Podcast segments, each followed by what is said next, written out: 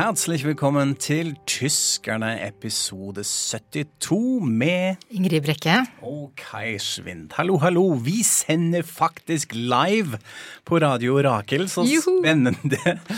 I hvert fall hvis du hører på den 14. desember. Da er vi live, ellers er vi på opptak. Eh, Dette her er en Weihnachtsspesialepisode. Det betyr vi skal snakke masse om jul, om hvordan vi feirer dette, om tradisjoner, litt om mat, og så blir det juleord i ordspalten. Men først skal vi snakke om en tja, ganske stor julegave Tyskland har gitt seg selv, hvis man kan si det på denne måten. Hva er dette, Ingrid? Jo, eh, altså denne uka så åpner da Humboldt Forum i Berlin. Som er et slags eh, slott, et gigantisk eh, byggeprosjekt eh, som står midt i byen. Og utenpå er det da en kopi av keiserens gamle slott. Eh, inni er det museum og masse forskjellige ting. Og dette er liksom en slags foreløpig ende på en veldig komplisert eh, historie om hva eh, Berlin skal være som by, og hva slags bygninger man vil ha. Og da kan jeg jo kanskje dra litt sånn bakgrunn.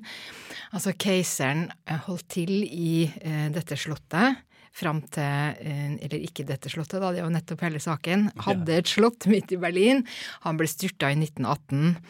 Eh, Så kom jo andre verdenskrig. Eh, Slottet ble delvis bomba. Så ble Tyskland delt i to. Denne delen av Berlin havna i DDR, altså den kommunistiske delen. De valgte å rive Slottet helt bort erstatta det, eller bygde opp på samme sted, det som heter Republikkens palass. Som var en sånn eh, kobberfarga eh, bygning fra omtrent 70-tallet. Eh, som eh, Der hvor eh, det man kanskje kan kalle bløffeparlamentet til DDR holdt til. Fake-parlamentet. Fake-parlamentet, ja. Eh, og Men det det var blir også brukt til sånne arrangementer og sånn. ikke Ja, sant? De hadde var- shows der og Ja. servering og sånne ting. Ja. Mm. Det var kafé, eh, litt sånn eh, ting skjedde. Det skulle være litt sånn for folket og sånn, da, i, i denne sosialismens eh, ånd. Og dette er jo litt spørsmål om smak og behag, men jeg syns også det var ganske fint. Altså, det var en, en slags eh, halvgjennomsiktig kobberkasse. Eh, på folkemunne ble det kalt eh, Eriks eh, Lampenladen, altså Eriks lampebutikk etter Erich Honecker Ja. som var diktatoren da. Eh, fordi du kunne se disse kjempestore lampene fra utsida gjennom eh, veggen, eller de store vinduene, da, på en måte, gjennom alt glasset. Eh, og så valgte man da, eh, etter 89, da muren falt og Berlin igjen ble hel, så valgte man da etter hvert, etter mye rabalder, å rive dette. Og årsaken eh, man oppga da, var jo at det var fullt av asbest. Og det var jo selvfølgelig sant, det var fullt av asbest, men andre bygninger så valgte man jo å, å renske ut asbesten, og man kunne gjort dette på mange måter, men man valgte å rive det helt. Eh, og så var det nye runder med diskusjon, hva skal nå komme? Og så endte det da med dette, at man skulle lage en kopi av eh, Byslottet. Og så er det ikke helt en kopi, det er en kopi på tre sider. Mens den fjerde sida ikke er kopi, men bare sånn moderne eh, vegg. Og på innsida er det heller ikke kopi. Der er det ikke slottsaktig. Det er en, en ganske praktisk eh, ny bygning med plass til utrolig mye forskjellig, men mest er det jo da utstillinger av museer. -hmm. Så det er alt mulig som skjer der inne. Det er diskusjoner, det er kunst som skal utstilles fra ulike steder, eh, og et slags møteplass kanskje også. Ja, det er jo tenkt som det. Altså det- det at det heter Rombolt Forum, er jo nettopp det er et forum for offentlig debatt og, og interessante treffsteder, da. Men så er det jo også det at man har disse samlingene som har vært rundt omkring i, i Berlin. Eh, etnologiske samlinger, sørasiatisk kunst, masse forskjellig, som nå skal samles under dette ene taket og eh, stilles ut. Og det har det jo også blitt eh, debatt om, da. Absolutt. Den raser nå, kan man si. Jeg har også prøvd å lese meg litt opp på hvordan det dis diskuteres, og kom annet på et ganske spennende intervju med en kunsthistoriker. En ganske kul dame, tror jeg. Hun heter Benedict Savoy, eller Savoy, må jeg si. Herregud. Hun er egentlig fransk. Eh, og ja, ganske spennende. Hun har jobbet bl.a. som rådgiver til Emmanuel Macron, altså franske presidenten, for å håndtere det kulturarvet eh, med tanke på all den kolonialkunsten, altså den stjålete kunsten. Eh, og hvordan man på en måte klarer å spore dette, hvordan man presenterer dette osv. Det har hun også jobbet med i, i forbindelse med Humboldt-forum. Hun var med i organisasjonskomiteen helt til 2017. Men så syns hun i hvert fall ble dette litt krøkkete, fordi man, mener hun, var, hadde ikke en stor vilje til å vise noe særlig transparens med tanke på hvor kommer alle disse eksponatene fra, som da altså har blitt stjålet fra ulike deler i verden. Og Tyskland også var en kolonialmakt, i hvert fall en stund. Eh, og eh, hvordan blir det nå presentert? Så hun sier dette er ja, en sånn utfordring som hun da mente ble ikke håndtert noe særlig bra. Uh, og dette speiler jo litt denne tankegangen man hadde kanskje på 80- og 90-tallet, hvor man egentlig var ikke noe særlig interessert å arkivere dette og vise til hvor ting var fra, nettopp fordi man var redd at dette kunne føre til sånne reparasjonskrav, uh, og at ting måtte leveres tilbake, og det har man da ikke gjort. Man valgte heller å bare late som ingenting, eller eh, ja. håpe at ingen skulle oppdage det? da, eller noe litt, sånt. litt som det, som, som, jeg forsto det. Uh, men så er det også helt Det speiles jo litt i den interne administrasjonen. Altså hun sa de hadde til nylig bare ansatt tre-fire fire såkalte proveniensforskere, altså folk som har opptatt med denne tilbakesporingsprosessen, som altså vanvittig lite sammenlignet med Louvre eller British Museum i, i Storbritannia f.eks. Så man har ja, rett og slett fulgt denne logikken, men så har det jo forandret seg litt, sier hun. Altså Nå har man skjønt litt sånn alvoret av dette, og at man har også et slags ansvar der. Og nettopp peke på denne nye kontekstualiseringen, finne ut uh, hvor ting er fra, og også prøve å avbilde det på, på en måte i, i Humboldt-forum uh, selv. Så sa hun noe interessant uh, og som jeg syns var ganske spennende, fordi hun mente altså at Humboldt-forum driver med en slags dobbeltkommunikasjon med tanke på det fysiske stedet som de er. Fordi på den ene siden, mener hun, sier man at man kan reversere historien, nettopp med det du har beskrevet. Man river ned noe, man bygger opp et, et ny bygge som ligner på det gamle, et barokkslott med moderne rulletrapp, som hun kalte dette. Så da sier man det går helt fint an å reversere, men på den andre siden sier man man kan ikke reversere historien med tanke på all den kunsten som stilles ut, som da altså ikke skal leveres eh, tilbake. Og dette skaper jo en slags spenning eh, rundt dette stedet, som er både problematisk men egentlig også ganske interessant. Eh, fordi dette, dette, gjør noe Man blir jo obs på dette. Mm. Eh, og så er det litt avhengig av hvordan dette blir sånn tatt imot av befolkningen, og hvordan da til slutt det fungerer, da. Ja, for det er jo noe med, med sånn hva er hva er det man sier da når man lager en kopi av et slott midt i en eh, moderne storby? Kopi av et gammelt slott. Og jeg tenker jo at sånn som jeg har blitt glad i Berlin og blitt kjent med Berlin, så er noe av det mest fascinerende er jo det at man på en måte begynte på nytt i 1989. Du fikk en ja. ny sjanse, og man har sett fremover. Og man har jo da valgt å eh, ikke lage gamle kopier, men heller invitere nye, spennende arkitekter for å lage moderne, fremadskuende ting. Og plutselig bryter man med det som har vært litt sånn Berlins arkitekturidentitet, eh, kanskje, med å gjøre noe sånt som man godt kan kalle reaksjonært. Eh, veldig rart eh, er det i hvert fall. Og disse diskusjonene, verken den, altså er det reaksjonært, hva betyr det egentlig, hvorfor mm. gjorde man dette, og den, der, den, diskusjonen som du refererte med alt det med, med hva, hva, skal man gjøre med alt kunsten og arkeologiske funnene som, som kommer fra helt andre steder og sånn, kommer jo til å fortsette. Men så er det jo viktig å ha med seg akkurat dette at når man skal til syvende og sist dømme hva slags prosjekt dette er, og om det lykkes, så, så handler det jo om kommer folk til å bruke det. Mm. For det ligger jo helt sentralt plassert så nærme fjernsynstårnet under den Linden museums innsel, og det, og det er veldig sympatisk laga med innganger fra alle kanter. Det skal være tilgjengelig for alle. Og hvis folk kommer dit og bruker det og holder på, så er det jo det som kommer til å bli stående som det viktige, kanskje. Ja, Og det vet vi rett og slett ikke nå, det må man vente litt. Til etter koronaen. Ja, i hvert fall etter koronaen. Om denne julegaven fungerer. Det får vi se.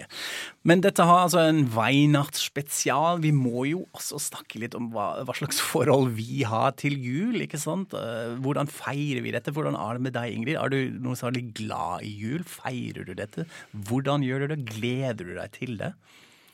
Nei, altså jeg er sånn som liker den tida vi er midt oppi akkurat nå. Jeg liker sånn førjulstida, og det er mest fordi at jeg liker glitter og stas og stæsj og bling og sånn. Og det er det, så nå er det bare å pøse på. Det har jeg jo lært i Tyskland, at det der med å som man har hatt litt i det puritanske Norge, at man skal ikke drive og pynte til jul for tidlig. Ja. At i Tyskland er det helt legitimt å være helt klar 1. desember, og så bare kjøre på. Så ja. det gjør jeg. Masse greier. Det syns jeg er flott. Men akkurat selve jula, det, for meg er det mer sånn der la oss bare overleve denne gangen og bli ferdig med det. Det mhm. syns jeg ikke er så veldig stas. Altså, det er en litt sånn lukk lukka og klam eh, affære, syns jeg. Ja, det er ganske interessant. Jeg tror vi har en sånn lite forskjell her mellom Norge og Tyskland. Eh, det er også mitt inntrykk at eh, jul i Norge er ganske litt sånn litt konformistisk. Alla, det er en slags forventning til det, hvordan det skal feires, hvordan det skal fungere. Man skal være med familien. Man skal reise hjem, i anførselstegn og sånn. Og har den, et sånn lukket noe, noe som, som, et sånn lukket arrangement rundt dette. Men i Tyskland syns jeg har vi litt flere muligheter. da, det At man legger mer opp til sånn alternativ julfeiring, mener jeg. Jeg husker at jeg har sjokkert en del nordmenn noen år siden med at når jeg fortalte at det er helt vanlig at etter man har vært i, i middagsselskap hos foreldre f.eks., for at man da drar ut og fester. Drar på noen klubber eh, som har åpnet i byen, og feirer da, og drikker og har det gøy og har litt sånn party. Og på den måten er det jo også litt lettere f.eks. For, for folk som har kanskje ensomme eller har ikke lyst til å henge med familien, at de da på en måte samles opp og inkluderes. Så det er egentlig, egentlig litt fint, vil jeg si. Mm. Ja, fordi jeg har jo vært med i Norge på at vi har gått ut andre juledag. Eh, men julaften har jeg aldri vært med på. Nå tror jeg dette har skifta litt. Det er åpne restauranter i Oslo, eller kanskje unntatt koronaen og alt det ja. der, men sånn vanligvis i jula nå så har det blitt litt annerledes og åpnere her òg. Men jeg har jo hatt stor glede av å gå på restaurant i Berlin på julaften og sånn. Men eh, dette med at jula i Norge er så rituell og familieorientert, du må jo fortelle om din families eh, julemattradisjon, Kai, for den syns jeg også er noe som aldri Jeg kan ikke forestille meg at en nordmann kunne hatt det sånn. Ja, og det har jeg også faktisk sjokkert noen eh, nordmenn med, med, med nettopp dette. Nei, altså sånn Apropos julemat. Tyskland er jo kanskje, hvis man snakker sånn veldig generelt, delt opp i to. Nord-Tyskland er det sånn preget av en sånn protestantisk tradisjon, og da har man ofte litt sånn fattigmannsmat til jul. Altså sånn potetsalat og pølser og sånne ting. Fordi man har julemiddagen dagen etter. Ja, for ja. da kommer den store, men på selve julaften det, skal det være litt enkelt. Og i Sør-Tyskland, som er mer katolsk preget, da blir det altså fisk. Også ikke sånn superfancy, men da er det det. Men min familie, og jeg vet egentlig ikke helt hvorfor, vi har egentlig siden jeg kan huske, siden vi var barn, hatt sånn, en helt annen tilnærming. Nemlig det vi har kalt det for litt sånn reise rundt verden hvert år. Sånn spise helt forskjellige typer etnisk mat. Har et sånn motto, rett og slett. Altså, vi har hatt italiensk julekveld, vi har hatt asiatisk julemat, vi har hatt New Orleans, vi har hatt indisk. Eh, og da er det litt fancy òg. Det er sånn flere retter. Men det er sånn dere har hatt julemat som ingen kan lage, da? Eller? jo, det funker ganske bra. Men vi har litt flaks fordi onkelen min er en sånn fantastisk ah. kokk. Eh, så han syns for han er det litt sånn årets store utfordring, og, og han, han, gjør alltid hovedretten. Eh, så lager noe veldig spesielt, og foreldrene mine lager forrett, og en, en av tantene mine stiller opp for dessert, og jeg kommer og spiser. Det er min oppgave, så det er en fin, fin rollefordeling. Nei, men det, det er ganske interessant, uh, og det, det, liker jeg veldig. Uh, kanskje også litt fordi det er ikke det samme som, som noen syns jo er gøy med jul, at det skal være mm. det samme. Man vil ha ribbe akkurat som det er. Og så vidt i Tyskland. Og det, det, er mange som har samme type mat i Tyskland. Men jeg, jeg syns alltid det er gøy å ha den At du ikke helt vet hvordan det er. Det er litt sånn kjipt, fordi i år skal det være tysk tradisjonsmat for en gangs skyld, og så reiser jeg ikke hjem Av korona, så jeg får ikke med meg dette. Du må nøye deg med å se på TV hvordan det er på uh, tyske jul i, i år. Ah, ja, veldig fin overgang, Ingrid. Ja, så da kan vi snakke litt om den tyske jule-TV-serien som jeg har sett. Ja, vil du fortelle oss om det? ja. Eh, den ligger da på Netflix og har fått den ganske teite norske tittelen eh, 'Romjul med familien'. Det er litt rart, for den foregår ikke spesielt mye i romjula. Den foregår litt mer sånn før og under jul. Men uansett, på tysk heter den Über Weihnachten, eh, og det er en ganske sånn klassisk komediegrep de har gjort. For det er jo en, en, slags romantisk komedie, tror jeg kanskje man må kalle det. Mm. Eh, den, den foregår i en, en liten by. Uh, og jeg må jo også skryte av at jeg faktisk kjente igjen kulissene. Uh, det er nemlig, Den er lagt til Monschau, som er en ganske liten, utrolig, utrolig idyllisk by langt vest i Tyskland, ganske nærme Aachen. Ja. Det har ikke noe med saken å gjøre, det er bare kulisser, men likevel. Det er, veldig sånn, vakkert. Veldig Verdt vakkert. å se på serien. Ja, veldig julaktig og vakkert, mm. og sånne bindingsverk og ja, alt. Mm. Og eh, han kommer da, hovedpersonen kommer derfra, men har jo da dratt til Berlin for at han vil bli stor musiker, og det går sånn passe, egentlig. Minst. Kanskje ikke engang sånn passe, kanskje ganske dårlig. Mm. Eh, og så har det også blitt slutt med kjæresten, og han er kanskje sånn 25 eller noe. Eh, kommer da, skal da hjem til jul til foreldrene og broren. Og så blir det masse sånne intriger og vanskeligheter og litt morsomt og ganske trist og forskjellig. Eh, og så holder de på. Jeg skal ikke røpe for mye, så det er litt sånn. Men eh, jeg kan si én ting som jeg syns var utrolig gøy, og som gjorde at jeg tenkte at kan, kunne de visst denne på NRK? Ikke helt sikker. Nemlig at de drikker altså hele tida. Overalt. Både foreldrene og han og alle venner, alt sånt sånn her. Men på en sånn positiv måte. Det er bare gøy. Men det er jo fristende, da. Jeg kjente at eh, ja, det kan man jo trenge i jula. Ja. Det, det, er helt riktig. Det er mye drikking uten at de blir liksom straffet, eh, eller det blir så moraliserende som man kanskje har i amerikanske eh, juleserier, hvor dette spiller ingen rolle. Men det liker vi jo alle. Liker drikking. drikking. Ikke alle. Mange. Men så må man jo også nevne at dette er en serie som har på en måte strikket rundt uh, hovedpersonen, skuespilleren uh, Luke Mockridge. uh, som er eh, akkurat nå kanskje den mest kjente komikeren i, Tyskland, eller i hvert fall for en viss generasjon. Dette er litt sånn 20 år eh, alder-folk. Men han fyller store haller med standupen sin. Han har flere TV-shows. Jeg vet egentlig ikke hvor ambisiøst han er med tanke på å være musiker. Han er jo flink til å synge, men jeg vet ikke om han har gitt ut flere albumer ennå. Men han er skikkelig hip and happening akkurat nå. Og det kan man jo også kanskje si Han er jo egentlig ikke skuespiller. Det vises litt i noen av de scenene. Og i serien må jeg, må jeg si at han er ikke ja, så versert alltid, men en veldig sånn veldig sjarmerende, litt sånn dustete, tullete type. Så det passer. Rollen er jo skrevet for han, Det, det fungerer jo uh, utrolig bra. Så det er den tyske Um, en tysk juleserie, men uh, det fins jo uh, en annen òg på Netflix som jeg tror du har kost deg med. Ja, og det var jo også det Her er jeg veldig treg, da, fordi uh, den kom i fjor, og det er en norsk juleserie som har fått mye omtale, og som jeg tror de fleste kjenner som er noe som heter Hjem til jul. Ja. og det er det, Der er det en dame i hovedrollen, noen år eldre enn den, vår tyske mann. Eh, men det er også en sånn slags romantisk komedie eller noe sånt. Og den er kanskje enda litt drøyere enn den tyske, uten at jeg tenker at det har så mye med forskjellen på Norge og Tyskland å gjøre. Det har mer med kanskje hvem er tenkt som publikum. Altså den tyske er nok mer en sånn familieunderholdning, da. Ja. Men jeg syns også det var så jeg tror En av grunnene til at jeg syns at begge disse er så gøy, det er at når man ser noe annet enn amerikansk, så merker man hvordan disse amerikanske julegreiene Altså, det er så moralsk. Altså ikke bare julegreier, men alt som jeg har med romantikk og kjærlighet og sex og drikke, alt mulig sånt, så er det sånn kjempemoralistisk ofte. Og, som, og vi lever jo ikke i sånne samfunn.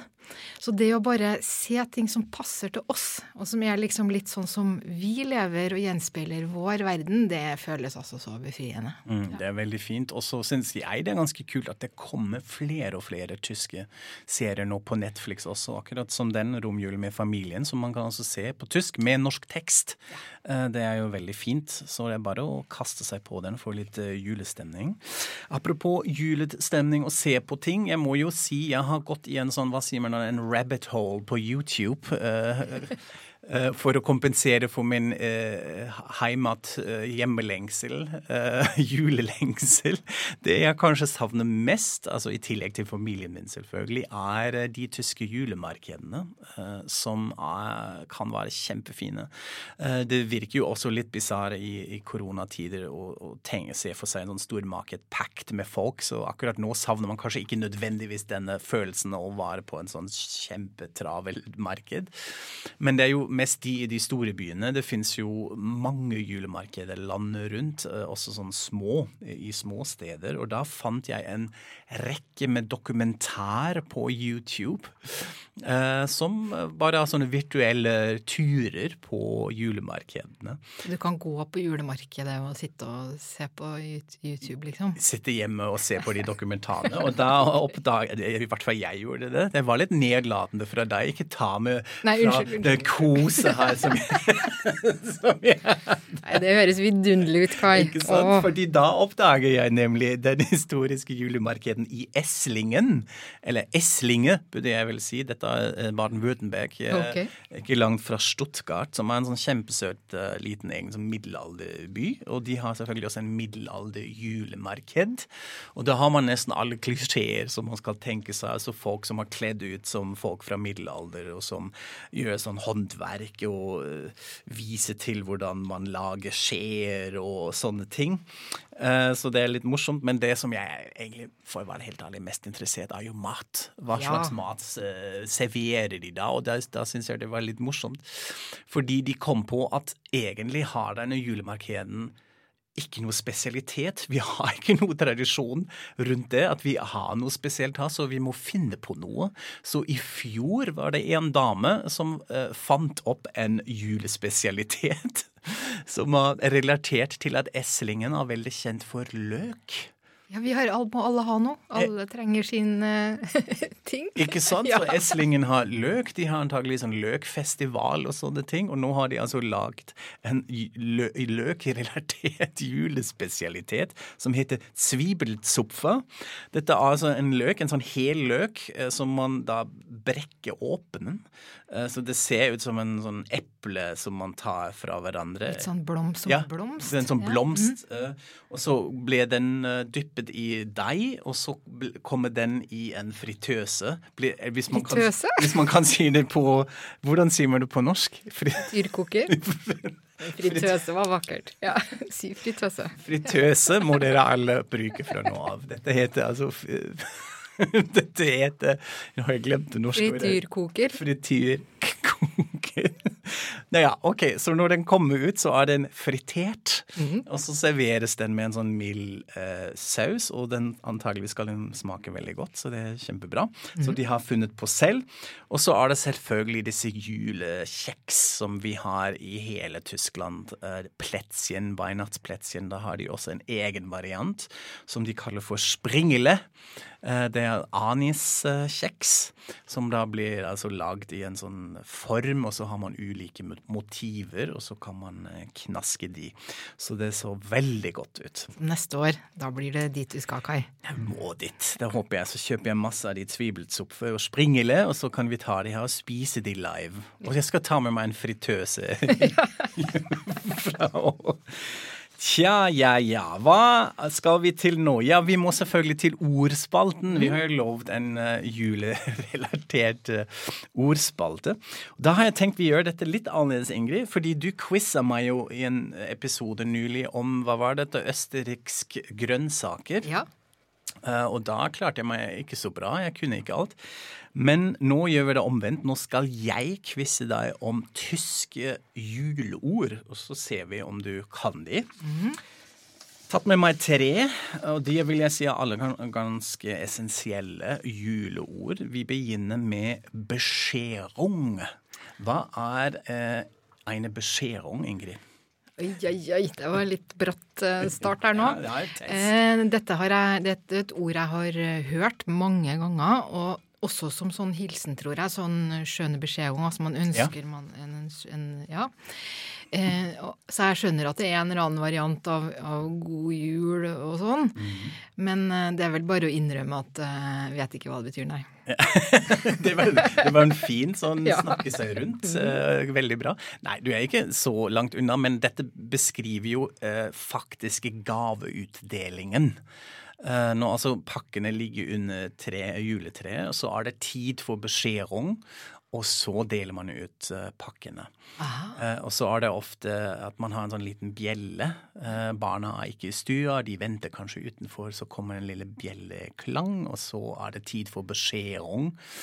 Vi har jo ikke den julenissen som kommer med gavene. Vi har jo det litt mer abstrakte Christkind, altså Jesusbarnet. Jesusbarnet ringer med en lille bjelle, si. litt sånn metaforisk bjelle. så er det klar for beskjedrong. Så det er det det betyr. Man kan også bruke det litt ironisk hvis man sier 'Å, herregud, det var, var en skjønne beskjedrong'. Hvis man har litt sånn, hvis det har skjedd noe teit. Uh, uh, faktisk en uh, sånn antigave som man har fått. Da kan man bruke det sånn, men det refererer selvfølgelig til, til det her. OK, ord nummer to.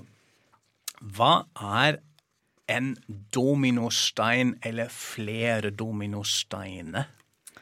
Det vet jeg. Ja, det ser jeg på ansiktet ja. ditt. det har jeg visst i tre uker. Ja. For da var jeg jo på Goethe-institutt eh, sammen med deg, faktisk. Vi lagde jo live. Eh, ja. ja. Og da fikk jeg dominosteinet servert. Og det er da en eh, firkanta Eller en konfekt som er terningforma. Mm -hmm. eh, litt større enn en vanlig terning, kanskje. Eh, mørk sjokolade var den vi fikk, med, og inni er det marsipan og gelé. Så det ligner ganske mye i smak på sånn norsk troika-sjokolade. Mm -hmm. Eh, ja, så det er jo tydeligvis en klassiker som jeg heller aldri har vært borti før.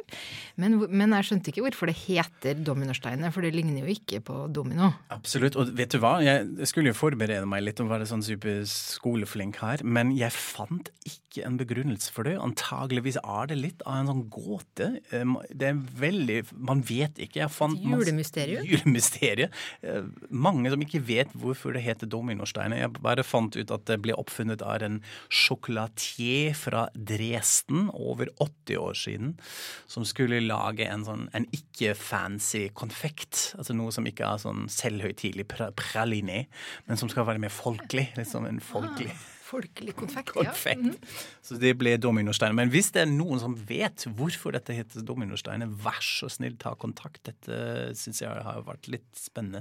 Fordi du, som du sier, det gir jo ikke mening. Det Nei. ligner jo ikke på, på det. Yes, men da må vi ha ord nummer tre, som kanskje er det mest julete av alle de eh, ordene her, fordi det er nemlig lametta. Lametta, ja.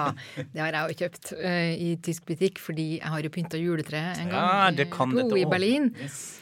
Og lametta er glitter.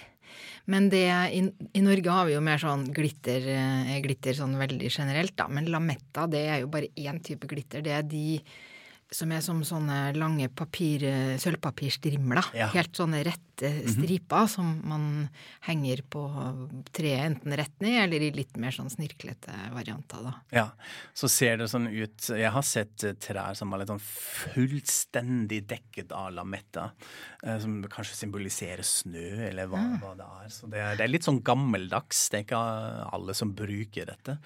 Men uh, ja, det, man forbinder det veldig med jul. Og så er det en annen ting som mange i Tyskland forbinder med ordet lametta, nemlig et sitat fra en uh, sketsj av kanskje Tysklands mest uh, kjente og kjære komiker, nemlig Loriot. Vico von Bülow, som hadde en sketsjserie på 70-tallet hvor han bl.a. fulgte en familie, familie Hoppenstedt, og i hverdagen dem. Så de feirer også jul, og så fins det en scene hvor de da dekorerer juletrær.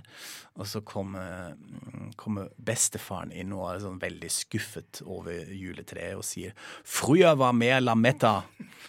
Det var mer lametta før. Eh, og dette har blitt et sånt sitat som man bruker i Tyskland iblant. Hvis man syns juletreet er stusslig, men man kan også bruke det i andre sammenhenger. Man kan litt sånn si, Hvis man er skuffet over noe, så sier man 'Fruja var Metta'. Så det forbinder de fleste med det. Ja, men kjempebra. Det, du klarte deg bedre enn jeg med disse østerrikske grønnsakene. Så det, er bra. Veldig fint. Og dere har forhåpentligvis latt sånn essensiell tysk julevokabular. Men nå syns jeg må vi gjøre noe som vi ikke har gjort før, som er veldig gøy at vi kan gjøre her fordi vi er live på radio. Fordi vi må jo spille litt musikk. Julemusikk. Eh, dette forbinder jo de fleste kanskje med det. Så vi har eh, lett litt og fant en hel rekke med uh, julemusikk. Og det har blitt en, en ganske eklektisk liste, kan man si. Noe av det kan, er vel kanskje også litt sånn anti-julemusikk. Det skal ikke bare være kos. Ja, men det er også julemusikk, vil jeg si. Ikke sant? Ja. God stemning. Jeg syns det representerer hele spektrumet. Uh, og for alle dem som hører på oss på podkasten, så skal vi legge dette ut på Facebook. og linke direkte til de låtene, så dere får det, dette med dere òg. Ja. Det var alt vi rakk, egentlig. Vi må runde av med vår eklektiske musikkliste her og si eh, takk for oss. Kanskje er det noen her som har oppdaget oss for første gang eh, på Radio Rakel. Vi heter altså Tyskerne, og dere kan finne oss i deres vanlige podkastspiller eller på Facebook. Da er vi også ganske aktive. Alle som har lyst til å dele noe om jul eller komme med anbefalinger, må gå dit. Send oss uh, meldinger eller innlegg vi blir veldig glad for det. Si takk for oss. Vi sier også takk til vår tekniker Henrik. Vi sier takk til Radio Rakel for at vi fikk være med live. Det var veldig gøy her. Og så høres vi straks igjen. God jul, må vi kanskje si. ikke sant? Ja, vi må si god jul. Fra Weihnachten til deg også, Ingrid. så høres vi straks igjen. Auf Wiederhören. Auf Wiederhøen.